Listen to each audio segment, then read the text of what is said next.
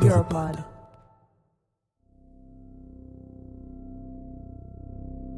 Nazywam się Adam Stasiak, a to są Substancje Kontrolowane, podcast o polityce narkotykowej.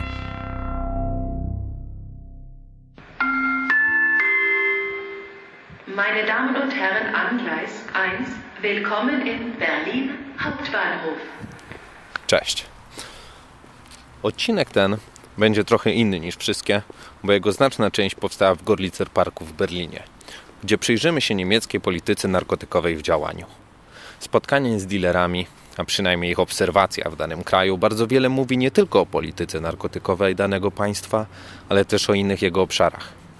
Niezależnie jak mocno kryminalizowane jest posiadanie narkotyków, nie spotkałem się jeszcze z trudnościami w spotkaniu dealerów, czy to w Jordanii, Chinach czy Japonii. Wspominam o tym dlatego, że założeniem kryminalizacji narkotyków jest przecież ograniczenie ich podaży. No a skoro je można wszędzie na świecie łatwo kupić, nawet tam, gdzie grozi za to kara śmierci, to chyba coś nie działa. Park, do którego właśnie zmierzam, znajduje się w samym centrum Kreuzberga. Kiedyś dzielnica industrialna, w której mieściły się fabryki i lokale mieszkalne dla niezamożnych. Szybko stała się dzielnicą imigrancką. Pod koniec XIX wieku Żydów, a po II wojnie światowej głównie Turków. Ze względu na niskie ceny najmu była zawsze popularna u studentów i artystów. Dziś, w wyniku silnej gentryfikacji, stała się z jedną z najbardziej pożądanych i drogich dzielnic Berlina. 14-hektarowy park powstał na miejscu starego dworca Gorlicer Bahnhof, z którego przed zniszczeniem podczas II wojny światowej odjeżdżały pociągi do Wrocławia i Żagania. Obecnie na jego terenie znajduje się basen, boisko i mini zoo, pełne towarzyskich kus. Latem można spotkać tu wiele Berlińczyków, piknikujących i grających we frisbee. Ja odwiedzam go jednak w grudniu, dlatego wokół mnie pełno dzieci zjeżdżających na sankach, ich opiekunów z grzanym winem w ręku. Większości Berlińczyków park kojarzy się jednak z czymś innym z handlem narkotykami. Niezależnie od pory roku, gdy tylko zbliżycie się do parku, szybko spotkacie się wzrokiem z jednym z lokalnych dealerów marihuany, którzy albo zapytają, ale jest good?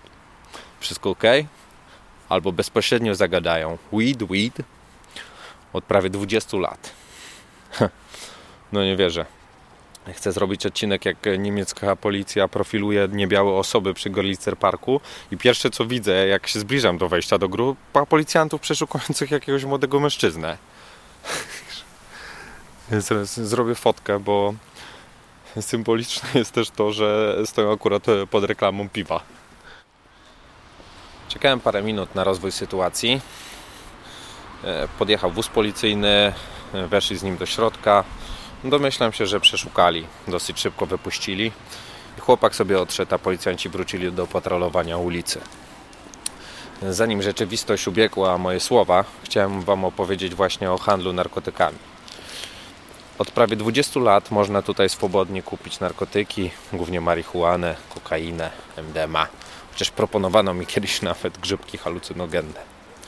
Kiedy mówię swobodnie, to mam na myśli to, że no, nie jest to jakaś wielka konspiracja i nie trzeba nawet kogokolwiek znać, by kupić tutaj jakiekolwiek substancje.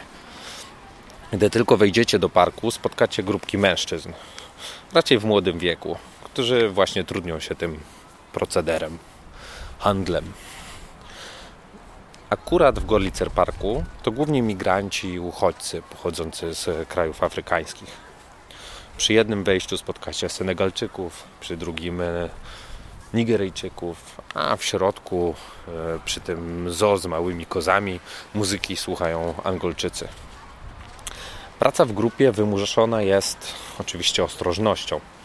W każdej też można zauważyć pewną hierarchię i podział ról. Najwyżej stoją osoby odpowiedzialne za konkretny ruch parku. Ja bym nazwał ich menadżerami to oni rozliczają się ze sprzedawanego towaru z ludźmi wyżej postawionymi. Stoją raczej na uboczu grupy, obserwując swoich podopiecznych, ale też to, co dzieje się wokół. No, na przykład, czy policja nie przeprowadzi zaraz jakiegoś rajdu, czy coś takiego. Niżej są osoby zachęcające do transakcji, czyli sprzedawcy. To oni właśnie zagadują ale z i to z nimi dobija się targu. Na samym dole firmy są kurierzy. To oni przekazują ci narkotyki. I na nich ewentualnie spadłaby odpowiedzialność, gdybym był tajniakiem chcącym podbijać policyjne statystyki. Co istotne, żaden z nich nie posiada substancji przy sobie. Gdy wręcza się pieniądze sprzedawcy, ten mówi kurierowi, ile ma mi przekazać narkotyków, a kurier udaje się w pobliskie zarośla, gdzie ukryte są woreczki z substancjami. Nieraz spotkałem się z tym, że kurierami są najmłodsi, co związane jest pewnie z ewentualną odpowiedzialnością karną i presją grupy. Działalność ta jest więc dosyć mocno ustrukturyzowana. Co kilka godzin pojawia się nawet firmowy catering. Mężczyzna na rowerze z wypchanym bagażnikiem rozkłada swoje stanowisko i wydaje pracownikom ciepłe posiłki.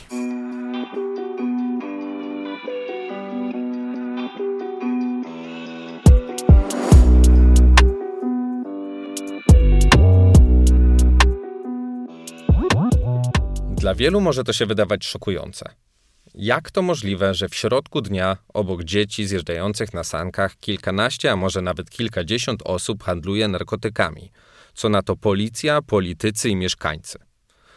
Od lat próbują oni wszyscy walczyć z tym procederem i próbowali już chyba wszystkiego. Wycinali krzaki, w których chowa się narkotyki, przeprowadzali naloty, gdzie aresztowali wszystkich podejrzanie wyglądających. Chyba domyślacie się, jak przeprowadzono selekcję. Od 2014 istnieje nawet oddział specjalny do spraw Gorlicer Parku, który ma walczyć z handlem narkotykami w tym miejscu.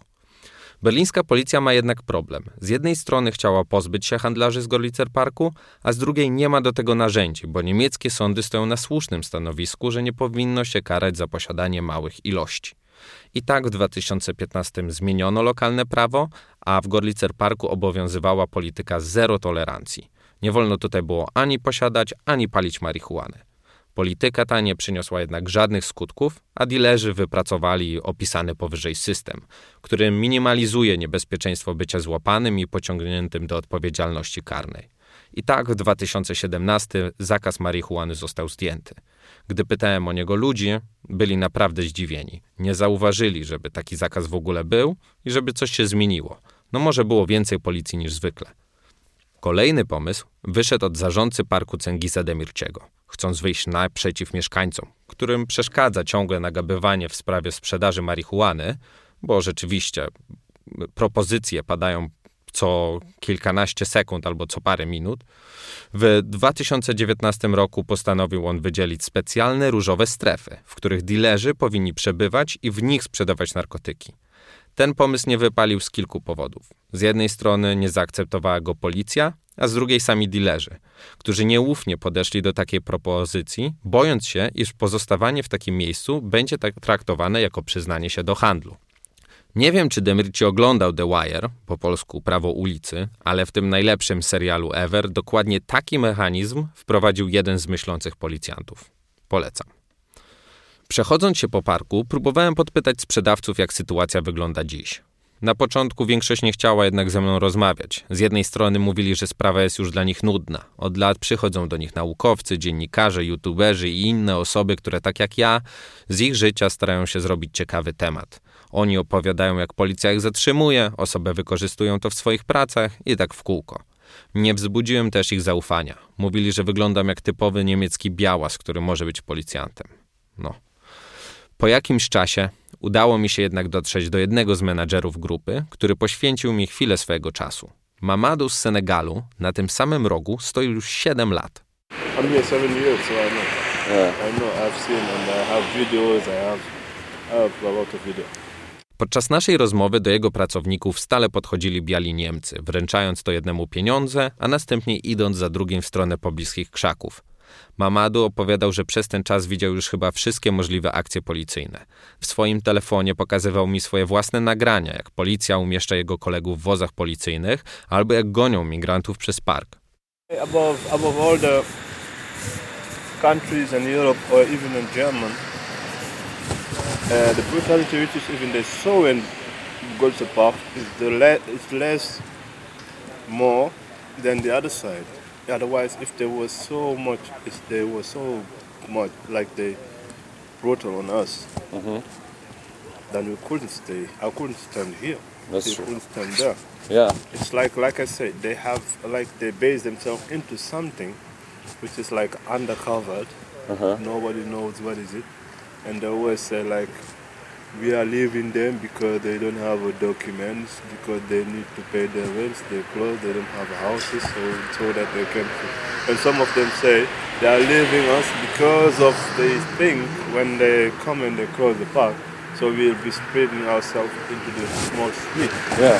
then it will be hard to control. So, I mean, it's a, it's all a big deal. Tak, jasne, policja przeszukuje wyłącznie osoby o kolorze skóry innym niż biały. Ale daleki byłby od wydawania jednoznacznych osądów w tej kwestii. W porównaniu do innych krajów europejskich, w Niemczech wcale nie jest tak źle. Siedzimy w tym razem, jesteśmy połączeni, mówił. Przecież gdyby policja naprawdę chciała się nas pozbyć, to przez 7 lat nie stałbym w tym samym miejscu, na tym samym rogu. Mamadu zwraca uwagę na to, że policja toleruje handel w Gorlicer Parku, bo nie chce, by rozlewał on się na inne ulice i dzielnice. Zatrzymując część osób, udowadnia mieszkańcom i politykom, że spełnia swoją funkcję, natomiast nie eliminując handlu w 100%, utrzymuje poczucie niebezpieczeństwa mieszkańców i uzasadnia coraz to większe wydatki na policję. Nie chciałbym więcej zawracał mu głowę, bo jest w pracy. Dał mi za to kontakt do lokalnej organizacji walczącej z policyjnym profilowaniem rasowym i tam też się udałem.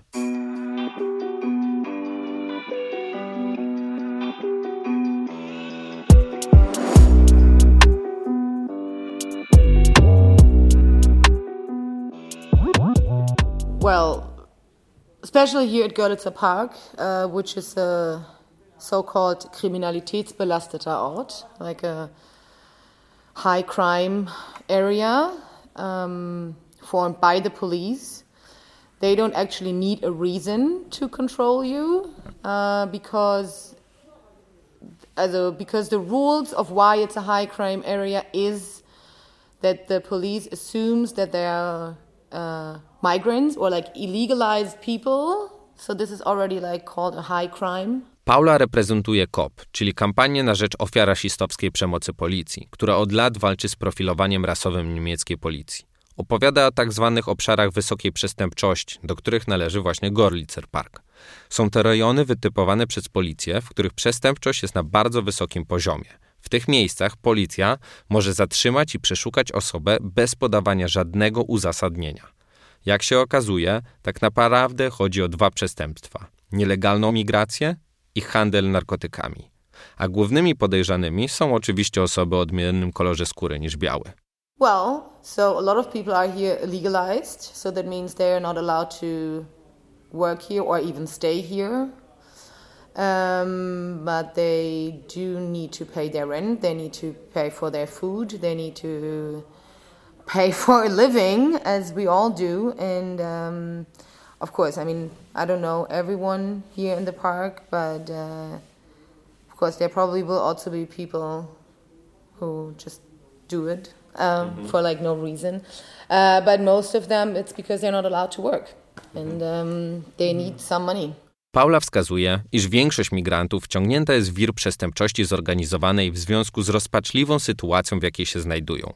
Pierwszy ich kontakt to szmuglerzy umożliwiający podróż do Europy, często z odległych miejsc, nierzadko ogarniętych działaniami zbrojnymi. Wraz z utrudnianiem dostępu do Europy w związku z tzw. kryzysem migracyjnym, szmugiel stał się lukratywnym biznesem. Cena za dostanie się do Europy, która w 2014 roku wynosiła jeszcze kilkaset euro, teraz wynosi 5000 euro i więcej. Dla niektórych były to pieniądze nie do zdobycia, a rozwiązanie dla nich mieli za to szmuglerzy. Swoją podróż mogli opłacić przewożąc za sobą narkotyki. Kolejnym problemem jest niewystarczająca integracja osób przyjezdnych, utrudniana w dużej mierze przez niemieckie prawo. Niemiecka policja wskazuje, iż największe obecne gangi arabskie z Berlina powstały w latach 80., gdy uchodźcy z wojny domowej w Libanie mogli znaleźć schronienie w Niemczech, ale nie mieli prawa wykonywać żadnej pracy, ani nawet uzyskać prawa jazdy. Gangi te odpowiadają dziś za 25% przestępczości zorganizowanej w Berlinie. Można powiedzieć, że historia zatacza koło. Młodzi migranci, którzy przybywają obecnie do Niemiec, nieraz muszą czekać ponad rok na decyzję dotyczącą swojego pobytu. W okresie tym nie mogą podjąć legalnej pracy, stając się tym samym łatwym celem dla gangów narkotykowych, które z jednej strony szukają taniej siły roboczej, a z drugiej dzięki temu systemowi nie muszą same martwić się o swoje bezpieczeństwo. Złapani migranci i tak nie będą przyznawać się do handlu, a na pewno nie do udziału w grupie przestępczej, chociażby z powodu tego, że grupa ta dba o ich interesy, wydając im codzienne ciepłe posiłki i umożliwiając im pracę.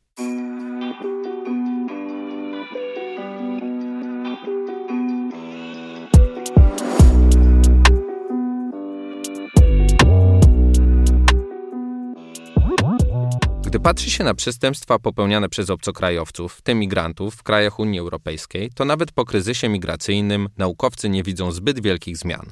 Oczywiście rośnie ich statystyczny udział w przestępstwach, ale wiąże się to z tym, że stanowią coraz większą część populacji.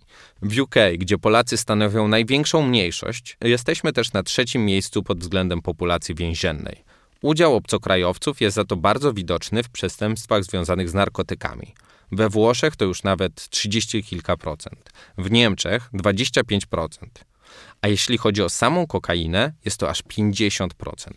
Policja wskazuje na dwie przyczyny takich wyników. Z jednej strony marginalizację migrantów, z drugiej specyfiki rynku narkotykowego. Narkotyki te są przecież w znacznej mierze produkowane w innych krajach i muszą przebywać drogę przez wiele krajów, by dotrzeć do swojego miejsca docelowego udział obcokrajowców jest w tym procederze więc naturalnym stanem rzeczy. Ciekawe są bardzo statystyki zatrzymanych za przestępstwa narkotykowe pod względem kraju pochodzenia. W sprawach od 1 do 10 gramów kokainy, czyli handel detaliczny, dominują osoby pochodzące z Azji i Afryki oraz oczywiście rodzimi dilerzy z Europy. Jeżeli chodzi o ilości od 10 gramów do 100 kg, to dominują w nim Brazylijczycy, Kolumbijczycy i coraz większy udział Europejczyków. To są osoby zatrzymywane za przemyt, zazwyczaj przy sobie, dlatego taka duża reprezentacja Ameryki Południowej. Natomiast ilości od 100 kg do 4,5 ton dominują już Holendrzy i Europejczycy, a gonią ich mieszkańcy Bałkanów. Statystyki te potwierdzają, iż osoby z Afryki i Azji zajmują się drobnym handlem detalicznym, który nie przynosi za wiele zysku, a z drugiej strony stawia te osoby na pierwszej linii frontu wojny narkotykowej. Marginalizacja mniejszości etnicznych i rasowych dotyczy oczywiście nie tylko samych obcokrajowców, ale przechodzi też na ich dzieci. Chociaż te dysfunkcyjne scenariusze dotyczą bardzo niewielkiej części drugiego pokolenia, są szeroko nagłaśniane i przyczyniają się do negatywnych nastrojów w populacjach przyjmujących, przedstawiając pewne grupy imigrantów jako problematyczne, np. bardziej podatne na przestępczość. To z kolei prowadzi do dalszej stygmatyzacji i społecznego zamknięcia, dotykającej dzieci imigrantów jako całość, niezależnie od tego, czy są wykluczone na innych płaszczyznach, czy też nie. Niezwykle interesującym z perspektywy polityki narkotykowej są niektórzy z nich tworzący dobrą muzykę, których tematem często jest wykluczenie, handel narkotykami i przestępczość zorganizowana.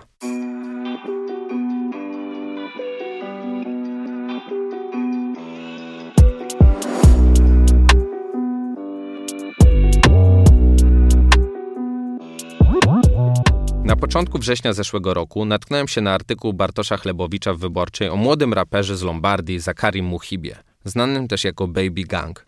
Baby Gang, sfrustrowany faktem odwołania kolejnych jego koncertów w związku z pandemią COVID, opublikował wpis, w którym mówił, że w związku z brakiem pieniędzy znów będzie zmuszony do okradania turystów. W następstwie tego wpisu setki jego fanów pomaszerowało ulicami Rikone, napadając i okradając ludzi oraz dewastując część miasta. Wobec młodego rapera toczy się śledztwo, a komentatorzy społeczni zastanawiają się, skąd w młodych Włochach tyle przemocy. W mediach szybko pojawiły się różne interpretacje tego fenomenu. Jedni uważają, że młodzi raperzy gloryfikują handel narkotykami przemoc i jeszcze zarabiają na tym pieniądze. Inni widzą w ich muzyce raczej opis rzeczywistości, w jakiej ci się znajdują. Ta dyskusja jest w sumie stara jak sam rap i dlatego zanim przejdziemy do europejskich raperów, chciałbym, byśmy przenieśli się znów do Stanów, gdzie to wszystko się zaczęło.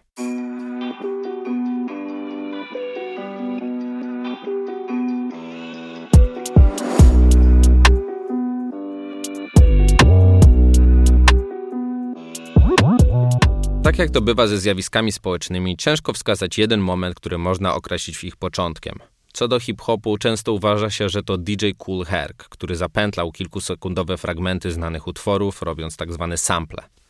Jego śladem szybko poszli Grandmaster Flash and the Furious Five, The Sugar Hill Gang czy też Afrika Bambata. Wraz z hip-hopem pojawił się rap, czyli mocno zrytmicyzowany tekst, recytowany pod odpowiednią muzykę. Podobnie jak jazz i blues, rap powstał w kontekście niesamowitego napięcia rasowego i społecznego. Wielu twórców i badaczy wskazuje, jak ogromny wpływ na twórczość rapową mieli artyści przed hip-hopowi. Jednym z nich na pewno jest Jill Scott Heron, który nagrał jazzowo-soulowy utwór do swojego wiersza The Revolution Will Not Be Televised. O rapie, jego początkach i społecznych aspektach rozmawiałem ze Zbigniewem Kowalewskim, redaktorem Le Monde Diplomatique oraz autorem książki Rap między Malcolmem X a subkulturą gangową, w której opisuje on polityczne zaangażowanie twórców, ale też prowadzi rozważania nad formą ekspresji politycznej, jaką jest sama muzyka. Wybaczcie proszę to, że dwóch białych, może nawet trochę sztywnych kolesi stara się opowiedzieć o tym, czym jest czarny rap, ale książka pana Zbigniewa zrobiła na mnie naprawdę spore wrażenie. Tak, no więc yy, rap, rapem zainteresowałem się to. Mieszkałem w tym okresie w Paryżu. I no po prostu niespodziewanie pewnego dnia usłyszałem w telewizji, że jacyś tam goście, prawda, przy jakiejś muzyce, w, tym co śpiewają, no nie znałem wtedy jeszcze terminu rapować, mhm. bo w ogóle nie wiedziałem, że to jest rap, że to się nazywa rapem, e, mm, że e, w e, tym, w tym ich przesłaniu, tym ich specyficznym dyskursie przy tej muzyce, mm, że oni wymieniają nazwiska właśnie. Malcolm X, Angeli Davis, no z tego też z tego okresu mm, działaczki y, antyrasistowskiej, bardzo znanej w Stanach Zjednoczonych w niedługim czasie po śmierci y, Malcolma.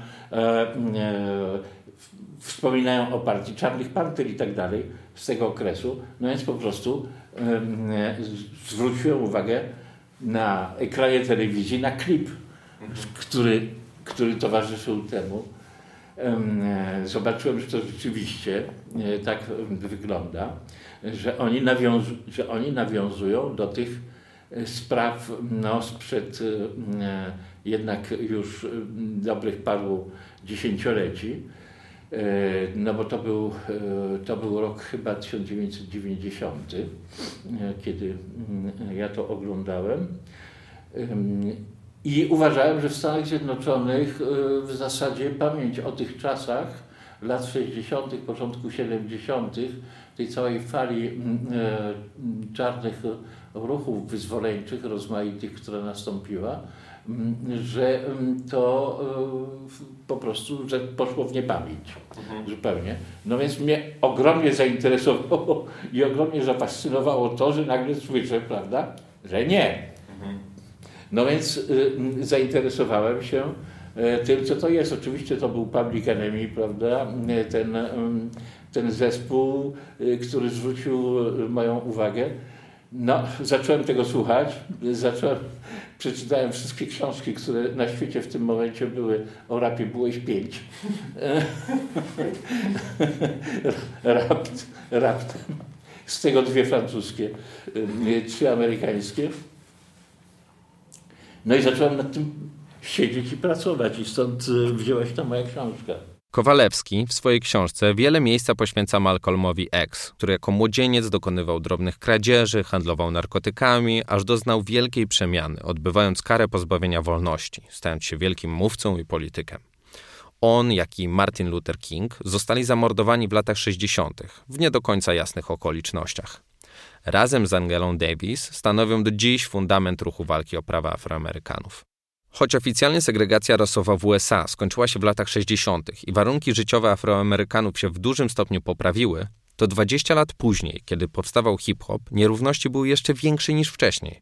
Podczas gdy tylko 10% białych żyło w ubóstwie, aż 35% czarnych tak się kwalifikowało. Czarni zarabiali 65% tego co biali, a statystyczna biała rodzina była cztery razy bogatsza od afroamerykańskiej. Szczególnie dużym problemem była i jest reprezentacja czarnych na poziomie rządowym i ustawodawczym. Choć Afroamerykanie stanowią 13% społeczeństwa amerykańskiego, to na 1994 senatorów, którzy zostali wybrani do amerykańskiego Senatu, 11 było czarnych. I to nie są statystyki z lat 80. Serio, do dziś w USA wybrano tylko 11 czarnych senatorów. I to właśnie tę lukę zaczął wypełniać rap, którego początki są mocno nacechowane politycznie. To oczywiście cechowało ów rap e, upolityczniony. To była bardzo świadoma, że tak powiem, polityka e, tych raperów, wprost deklarowana, prawda, że e, ta nasza muzyka musi służyć edukacji. Edukacji historycznej, to był, akcent był bardzo silnie postawiony na Mm, edukację historyczną, no i oczywiście na edukację mm, e, o naszej kondycji generalnej mm, w tym, w tym kraju i w tym e, państwie.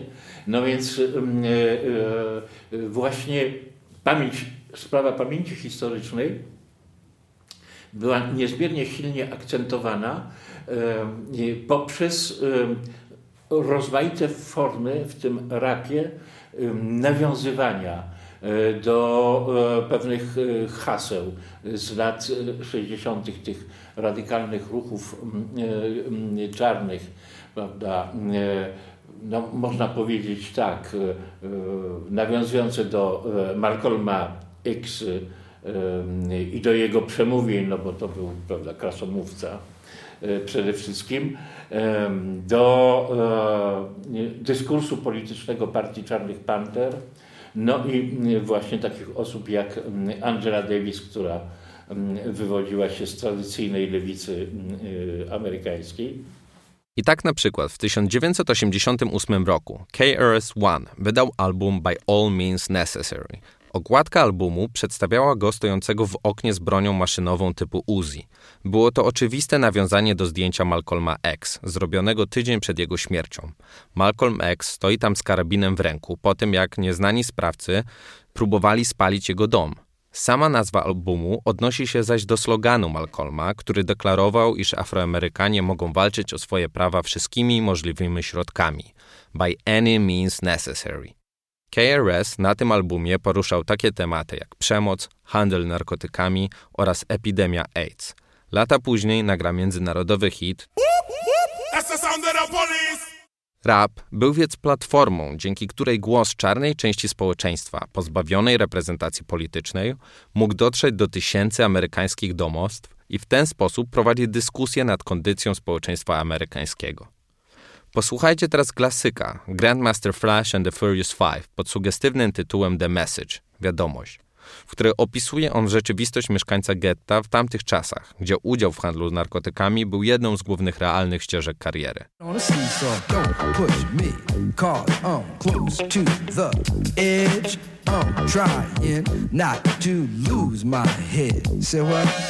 It's like a jungle sometimes. It makes me wonder how I keep from going under. It's like a jungle sometimes. It makes me wonder how I keep from going under. A child is born with no state of mind, blind to the ways of mankind. God is smiling on you, but he's frowning too, because only God knows what you'll go through. You'll grow in the ghetto, living second rate, and your eyes will sing a song of deep hate. The places you play and where you stay looks like one great big alleyway. You'll admire all the number book takers, thugs, pimps, and pushers, and the big money makers. Driving big cars, spending 20s and 10s, and you wanna grow up to be just like them. Smugglers, scramblers, burglars, gamblers, pickpocket peddlers, even panhandlers. You say I'm cool, I'm no fool, but then you wind up dropping out of high school. Now you're unemployed, all non-void, walking around like your pretty boy Floyd. Turned stick-up kid, but look what you done did. Got sent up for an eight-year bid. Now your manhood is took and you're a make tag. Spend the next two years as an undercover fag, being used and abused to serve like hell. Till one day you was found hung dead in a cell. It was plain to see that your life was lost. You was cold and your body swung back and forth. But now your eyes sing the sad, sad song of how you live so fast and die so young. So don't push Przenosząc to na polski grunt, to dla mnie nie ma drugiego gatunku, który tak mocno angażuje się w życie zwykłego człowieka jak hip-hop. No może muzyka punkowa. Takie klasyki jak Na Legalu, Pei i Slums Attack czy Skandal Molesty to albumy, w których do dziś słychać smutne echo neoliberalnych przemian lat 90. i ich wpływu na życie Polaków.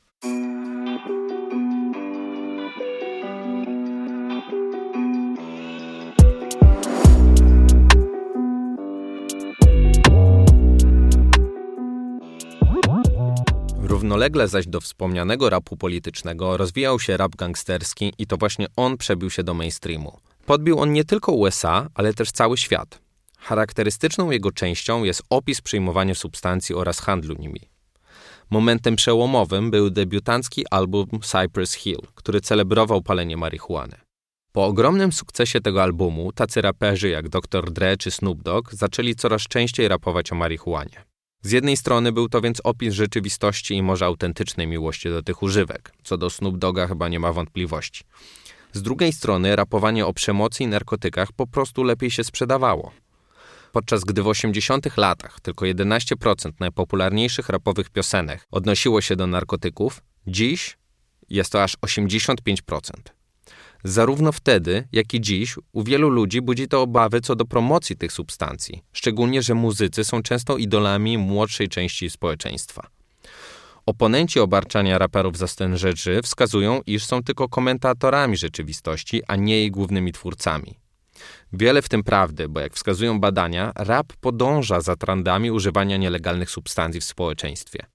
Podczas gdy w latach 80. i 90. większość muzyki odnosiło się do kokainy i marihuany, pierwsze dziesięciolecie XXI wieku należało do MDMA. Od 10 lat coraz więcej możemy usłyszeć o Xanaxie i innych lekach na receptę. O nich nierzadko rapował chociażby Mac Miller, który w 2018 roku zmarł z przedawkowania fentanylu, którym nasączone były tabletki Oxycodon, opioidu na receptę o silnym działaniu przeciwbólowym. W tym kontekście warto wskazać, iż na przestrzeni czasu zmienił się nie tylko rodzaj substancji, ale też ich wizerunek. W politycznym rapie narkotyki występowały jako element trudnej rzeczywistości czarnych blokowisk i powód nękania ze strony policji. W rapie gangsterskim dużo częściej pojawiał się motyw handlu narkotykami. A teraz powstaje dużo utworów dotyczących zmagań uzależnieniem od tych substancji.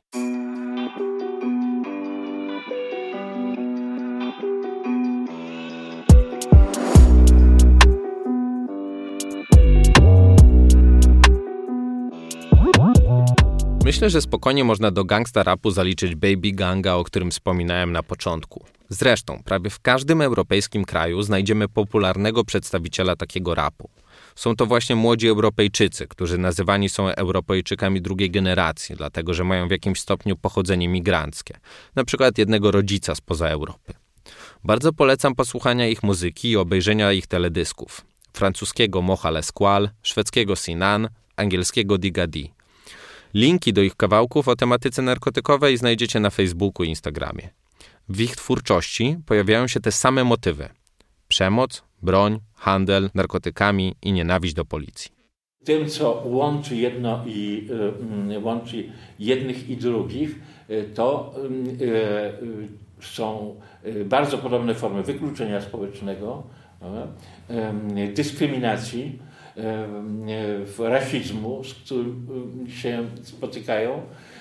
I no, całe, całe to zjawisko oczywiście wykluczenia i wykluczenia y, marginalizacji ogromnych trudności z dostępem do pracy, mhm. możliwości pracy, a więc wysokie wskaźniki bezrobocia, E, wysokie wskaźniki ubóstwa e, i tak dalej. Te, te, wszystkie rzeczy e, są rzecz jasna wspólne. No i tak, prawda? Ja myślę, że i tak podchodziłem do tego, do tego zjawiska, a mianowicie, że rap nawet w tych swoich, powiedzmy sobie, godnych e, silnej krytyki przejawach, e, wyrażający e, rozmaite nastroje, nastawienia, postawy i tak które mogą mi się bardzo nie podobać. Seksizm, mizoginia, prawda, homofobia, które niejednokrotnie znajdują swoje przejawy nawet w tym rapie upolitycznionym niejednokrotnie również to występuje, prawda? I gloryfikacja, gloryfikacja form przemocy niejednokrotnie bardzo brutalnej, moim, moim zdaniem jest rzeczą bardzo ważną, żeby zdać sobie sprawę z tego, że jest to ekspresja realiów.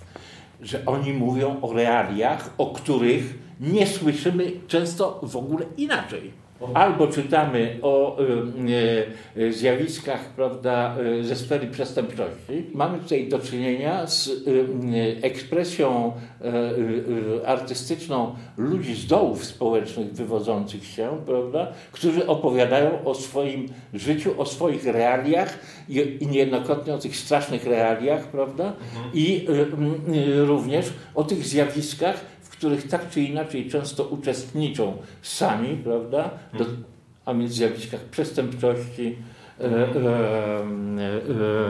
e, narkomanii mhm. tak. i tak dalej.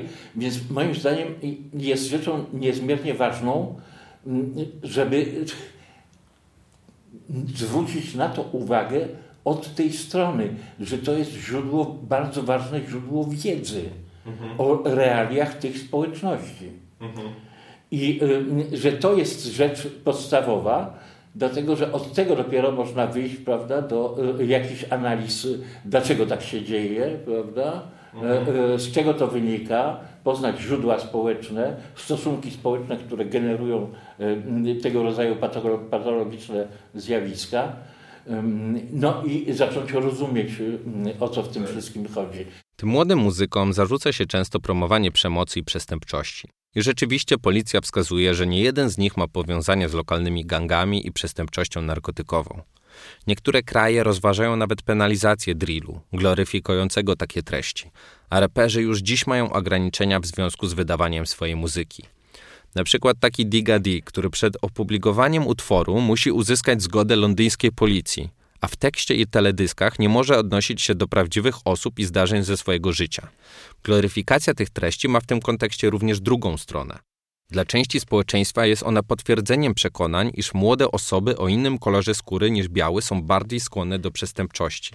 Taki wizerunek ma przełożenie chociażby na policyjne profilowanie rasowe, o którym wspominałem w poprzednim odcinku, w związku z którym przeszukiwane są często osoby, które nie mają nic wspólnego z handlem narkotykami. Ten gangsterski rap ma jednak też podtekst polityczny. Trafia on do części Europejczyków, którzy czują się, a raczej są, wykluczeni ze względu na swój kolor skóry, pochodzenie czy status ekonomiczny. Wspomniana wcześniej Angela Davis pisała, iż pierwszym krokiem człowieka uciskanego na drodze do samowyzwolenia jest decyzja o odrzuceniu wizerunku nadanego przez ciemiężcę. By odrzucić wizerunek nadany przez społeczeństwo, potrzeba jednak wielu zasobów i czynników świadomości związanej z tym edukacji, poczucia własnej wartości. Dlatego też, co pozostaje, to utożsamić się z tym wizerunkiem, przyjąć go i przeobrazić wedle swojego upodobania, czyli po prostu zrobić z tego swoją siłę.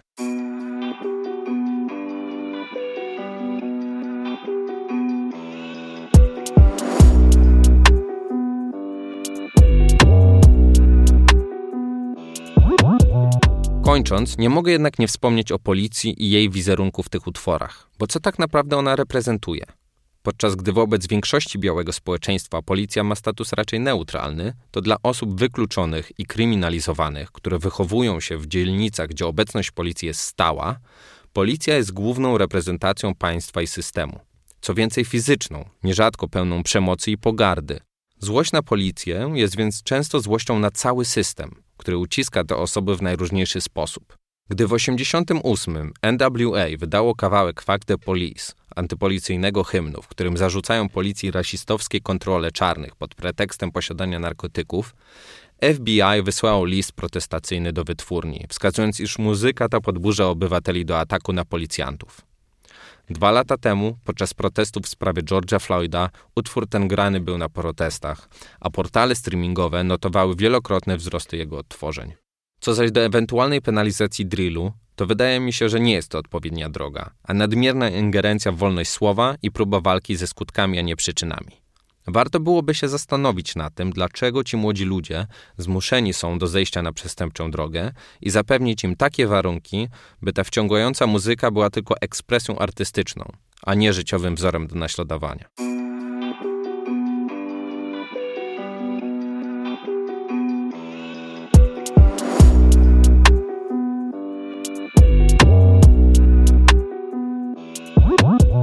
Norweski kryminolog Niels Christie wypracował pojęcie dogodnego wroga. Takim dogodnym wrogiem nazwał osobę, którą władza ustanawia wrogiem publicznym i dzięki której atakowaniu można zdobyć kapitał polityczny.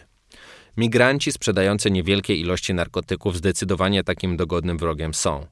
I wcale to nie znaczy, że Europa nie ma problemu z przestępczością narkotykową i przemocą gangów, bo ma. I problem ten rośnie z roku na rok tylko że jego istotą nie jest kilku biednych migrantów sprzedających narkotyki w parku, a międzynarodowe szajki przestępców, którzy z pieniędzy z narkotyków sponsorują inne kryminalne działalności, jak stręczycielstwo, handel ludźmi czy wymuszenia. I to właśnie o tej prawdziwej przestępczości opowiem w kolejnym odcinku. Do usłyszenia, Adam.